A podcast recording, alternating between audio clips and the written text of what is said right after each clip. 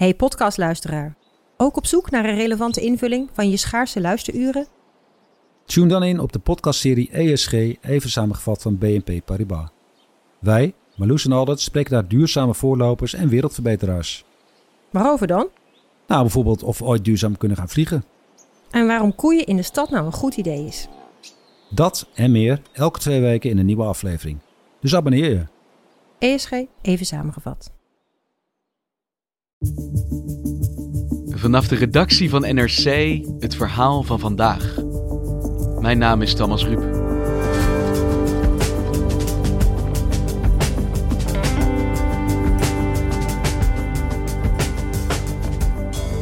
Caster Semenya is de meest besproken atlete van dit moment.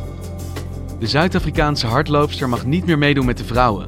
Zo besloot het sporttribunaal woensdag na een lang juridisch gevecht. Semenya heeft van nature zoveel testosteron in haar bloed dat haar deelname oneerlijk zou zijn voor andere vrouwelijke atleten. Wat betekent dit voor de toekomst van de vrouwensport?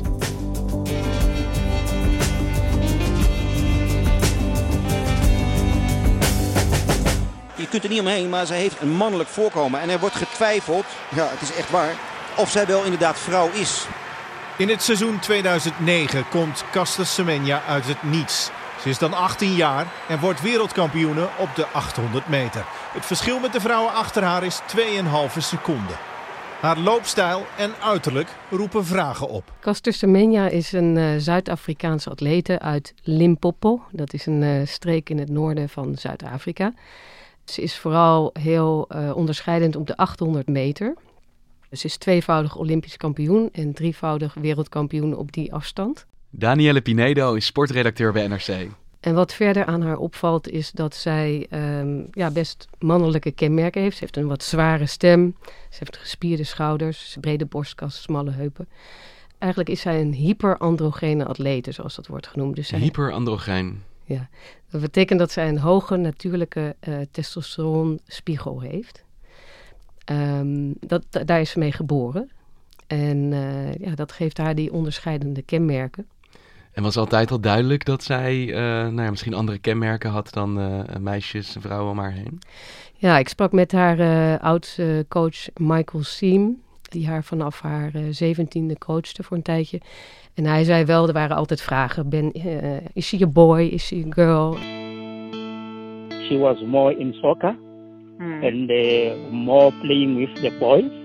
Mm. And because the other girls, they don't want to play and they don't want to do sports. Mm. So there was no soccer ladies team in, uh, in that area during that time.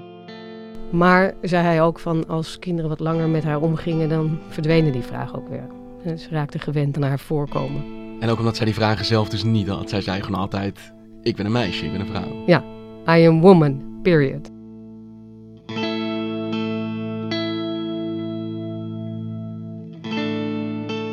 En was haar uitzonderlijke talent ook meteen al duidelijk? Ja, ja zij is ook al vrij snel, vertelde hij, uh, naar het buitenland gegaan om daar races te doen met de junioren. Maar ik denk haar grote doorbraak kwam eigenlijk niet zo heel veel later. Toen was ze pas 18 op het WK Atletiek in 2009. Semenya pushes on again and she's breaking away. There is no response now from Krebshen. Semenya looks over her shoulder and she's away. Normaal zo'n nieuwkomer die gaat achterin hangen, hè, uh, die gaat niet voorop lopen. Nou, wat deed zij? Ze ging vrij snel meteen vooraan rennen. En ze was niet te houden. En ze won met overmacht. The winning time is going to be terrific. 155.46. Well, that smashes the world list by almost two seconds. Alleen gebeurde er tijdens die competitie nog iets anders. Het is zo dat zij al vlak voordat zij die race won, gevraagd werd door de atletiekbond IAAF: wil jij een seksentest doen? Of je man of vrouw bent. Of je man of vrouw bent, ja. on Caster Semenya from South Africa. The IAAF isn't accusing her of doping or even cheating, but her progress this year has been extraordinary, and they want to know why. In this particular case, there were suspicions and rumors that, um, you know, there was some doubts really about her gender. Het was wel zo inderdaad dat zij, uh, diezelfde coach die haar uh, rond haar zeventiende coachte, die zei ook al dat bij Afrikaanse wedstrijden soms haar broekje werd opengetrokken om te kijken wat voor Wat is je geslachtsdeel? Het broekje werd opengetrokken? Ja. Door wie? Uh, door de officials. En hij zei, ja, dat was in die tijd was het niet uh, ongebruikelijk. Hij zei, ik had wel meerdere uh, pupillen die vrij mannelijke kenmerken hadden en uh, die even moesten worden gecheckt voor de wedstrijd. Maar nu kwam er dus een formele test. Ja. There's no mandatory gender testing, but on, on suspicion or if there's a challenge maybe um, of her gender, that the IWF has the right to ask discreetly for a test. En wat moet ik me daar dan bij voorstellen? Ja, hoe, wat die test precies is verlopen, uh, daar heeft de Atletiekbond nooit zoveel over verteld. Ze heeft uiteindelijk elf maanden moeten wachten op de uitslag van die seksentest. This kind of investigation needs days and even weeks before we can come to a conclusion. But while the inner truth may take weeks to learn, gut reactions are instantaneous. Well, if she is a she, she does look very manly. If she is a man, well, then she's a man, but I don't think she's a man. I think she's great. I love Costa Semenya and I'm very sorry for the girl. Semenya is reported to be in hiding now. En in de tussentijd kon ze niet zoveel. Want ze mocht niet meer sporten? Nee. Uh, ze zat veel op haar kamer. Was eigenlijk een beetje tegen depressief aan. Sometimes in life, you cannot just be happy every day and whatever. Sometimes you just feel sad, just want to be alone. En hoe ging dat verder vanaf daar? Wat, uh, hoe heeft zij deze periode doorstaan? Nou, het is zo dat zij zo gefrustreerd raakte van dat wachten... dat ze eigenlijk hulp kreeg van een paar advocaten... die een beetje zijn gaan duwen om, om, om die uitslag binnen te krijgen. En ook gaan testen, mag ze echt niet meedoen. He, dus dan verschenen ze gewoon bij Zuid-Afrikaanse atletiekwedstrijden... om te kijken, gaan ze ons de deur versperren, ja of nee? En? Um, ja, dan kreeg je toestanden dat ze daarbij die organisatie wisten... hé, hey, ze zit eraan te komen. Nou, dan veranderen we de regel en dan zeggen we... Uh, dit toernooi is by invitation only. Alleen, die uitslag van die test is nooit openbaar gemaakt. Dus we weten niet wat daaruit is gekomen. Hoe bedoel je? Maar het ging erom of zij man of vrouw was, dat dit getest zou worden. Ja. En die uitslag, die weten we niet. Die weten we niet, nee. Maar de uitslag was in ieder geval, je mag weer meesporten met de vrouwen, ja. wat zij wilden. Ja. Maar in 2011 kwam dezelfde atletiekbond, de IAAF, met nieuwe regels. Waarin werd gesteld dat bij een waarde van meer dan 10 nanomol per liter testosteron. Nanomol? Ja, dat is een beetje een technisch verhaal. Uh, maar als, je een, als een vrouw zeg maar een relatief hoge testosteronspiegel heeft, een atlete, dan mag zij niet meedoen aan de races. Als zij geen hormoontherapie volgt, dus geen medicijnen gebruikt om die spiegel weer te verlagen. Het hormoon testosteron speelt een belangrijke rol bij de aanmaak van spiermassa. Te veel testosteron bij vrouwen wordt gezien als oneerlijke concurrentie. Het krachtsverschil wat wordt veroorzaakt door dat hoge testosteron is zo groot. Dat maakt echt een heel groot verschil uit in de sportprestaties. Hoeveel maakt het verschil dan? Ja, 5 à 6 procent. En dat is in de topsport is dat heel erg veel. Dus hoe hoger je testosteron, hoe sportief competenter je bent. Ja.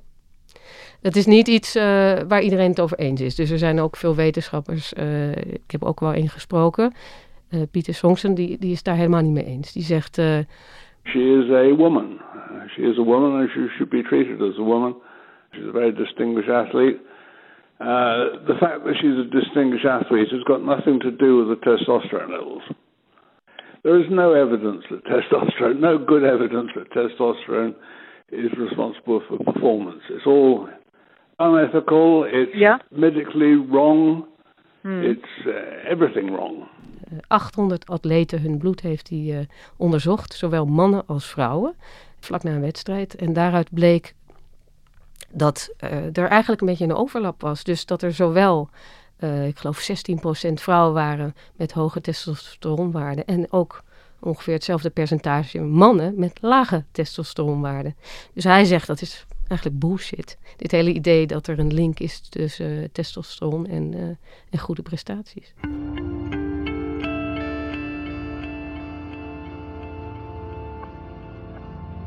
Dus ze was heersend wereldkampioen, maar toen moest getest worden: ben je man of vrouw? Dus blijf je wereldkampioen en mag je blijven sporten met de vrouwen? Toen kwam die uitslag: ja, ze mag doorsporten bij de vrouwen. Maar toen werden de regels veranderd en ja, had ze ineens een te hoog testosteronniveau om dat te mogen blijven doen. Ja. En ik denk dat zij voor een moeilijke keuze stond. Moet je die hormoontherapie gaan volgen? Ja, je hebt die passie. Hè? Je wil rennen. Ja, ze heeft toen toch besloten, ik ga dat toch maar doen. We weten niet hoe lang zij uh, hormonen heeft geslikt, maar dat ze het heeft gedaan uh, aanvankelijk is wel bekend. Ze is daar mee opgehouden uh, rond de tijd dat er in India een Indiaanse atlete opstond, Dute Jean. eigenlijk zat zij in dezelfde situatie als Semenya. En in 2014 dacht zij, ik ga geen therapie volgen. Ik ben gewoon zo geboren. En ik stap naar het uh, sporttribunaal om dit aan te vechten, deze nieuwe regelgeving. Zij heeft dat gedaan en een jaar later kwam de uitspraak. En het CAS, zoals dat dan uh, heet, daar zeiden ze dat de Atletiek Federatie niet kon bewijzen dat die 10 nanomol bepalend is hè, voor die sportieve prestaties. En in de tussentijd kon Duté weer gewoon rennen. Duty Chand can run again. A landmark ruling from the Court of Arbitration for Sports has cleared the Odisha sprinter for competition, suspending the rule under which Chand was barred from participating in sports as a woman. Ze had de zaak gewonnen, ze mocht weer sporten. Ja. En wat betekende dat voor uh, Caster Semenya? Ik vermoed dat uh, Semenya geïnspireerd raakte door het verhaal van Dutéchamp.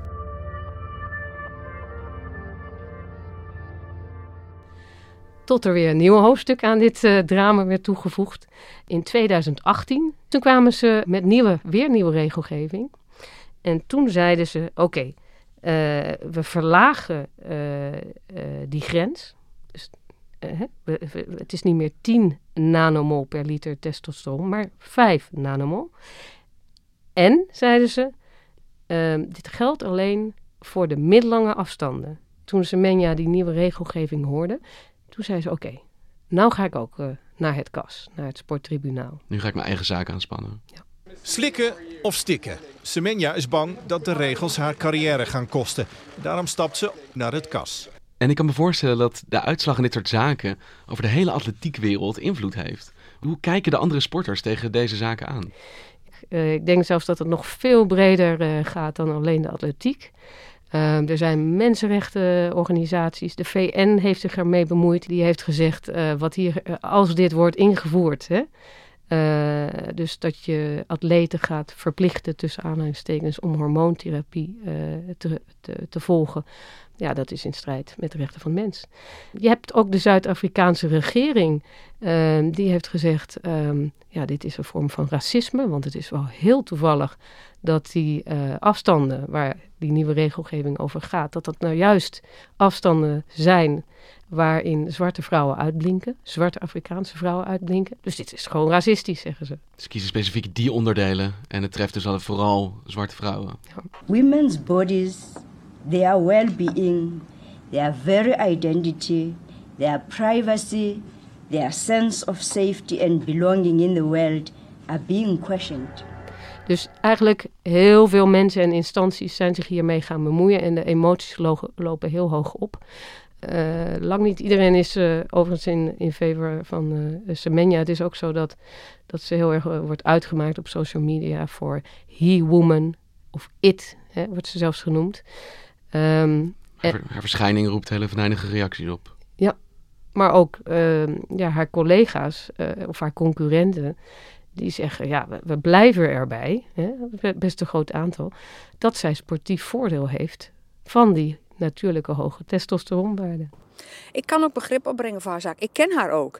Het is natuurlijk knetterhard, dat snap ik ook wel. Maar het is ook knetterhard voor de sport, voor de andere atletes in die discipline. Want die hebben eigenlijk geen schijn van kans. Er zijn twee kampen. Kampen die zeggen nee, zij is zo geboren, zij moet kunnen meesporten. En anderen die zeggen ja, maar zij heeft een ja, een voordeel wat wij niet hebben en dat maakt de sport oneerlijk. Ja, was bijvoorbeeld vorige week kwam Paula Radcliffe, dat is een uh, marathonloopster uit uh, Engeland, die nam het op voor de IAAF. Die zei, als Semenya in het gelijk wordt gesteld, is dit dood van de vrouwensport.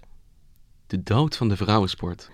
Wat zij eigenlijk vreest, is dat als Semenya dus gelijk krijgt, dat managers of sportbonden op zoek gaan naar hyperandrogene atleten, omdat zij daar sportief uh, voordeel van verwachten. Dat is bijvoorbeeld één voorspelling die zij doet. Um, een andere voorspelling is dat zij zegt: um, als Semenya wint, dan zullen transgenders, hè, dus, dus voorheen mannen die nu als vrouwen meedoen uh, in de atletiek, die zullen massaal toestromen in die vrouwenonderdelen, zonder dat zij hun testosteronwaarde hoeven te verlagen met hormoontherapie. Dat zijn dus twee voorspellingen die Paula Radcliffe deed. Het kwam maar op een enorme lading aan kritiek uh, te staan. Uh, ze zei dat ze zelfs bedreigd was. Dus ja, dat is weer zo'n voorbeeld. Wat een enorme emoties om die zaak heen hangen.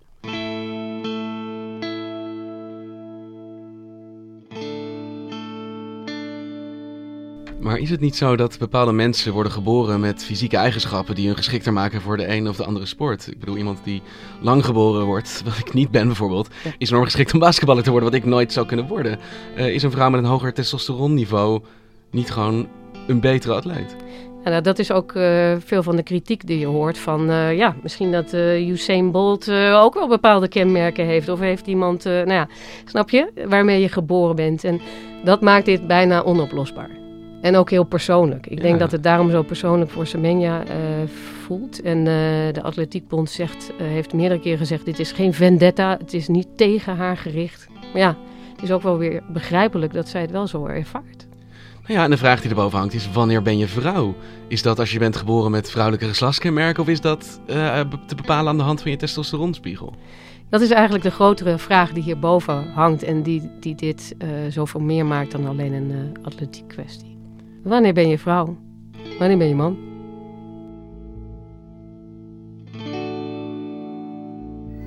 The way you are born is the way you are born. There's nothing can change it. Yeah, I've got a deep voice, I know. What are you gonna do? Do you think you can change it? No. If someone was born the way she was born or he was born, so are you gonna go and blame him or are you gonna blame God? Huh? Whose fault is that? Nobody.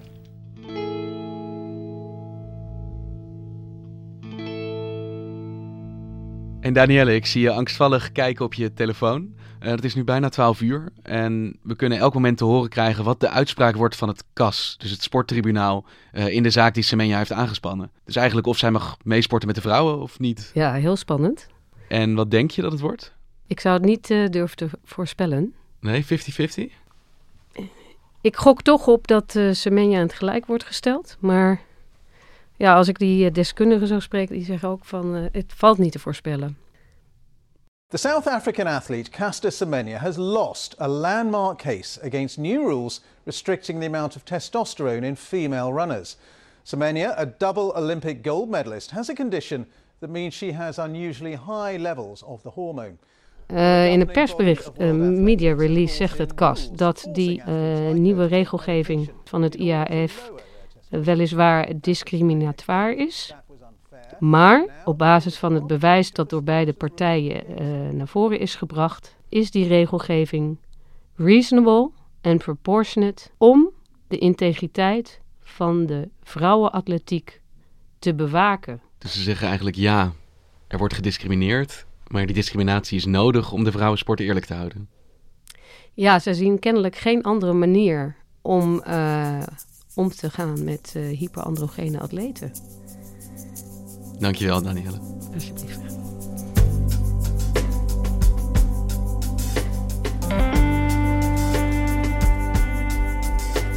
Je luisterde naar vandaag, een podcast van NRC. Eén verhaal, elke dag. Dit was vandaag, maandag weer.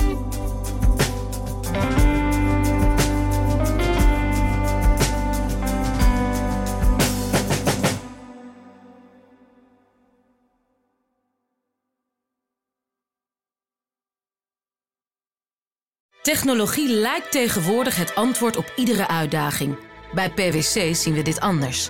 Als we de potentie van technologie willen benutten, kunnen we niet zonder een menselijk perspectief. Human-led, tech-powered noemen we dat. Ga naar pwc.nl.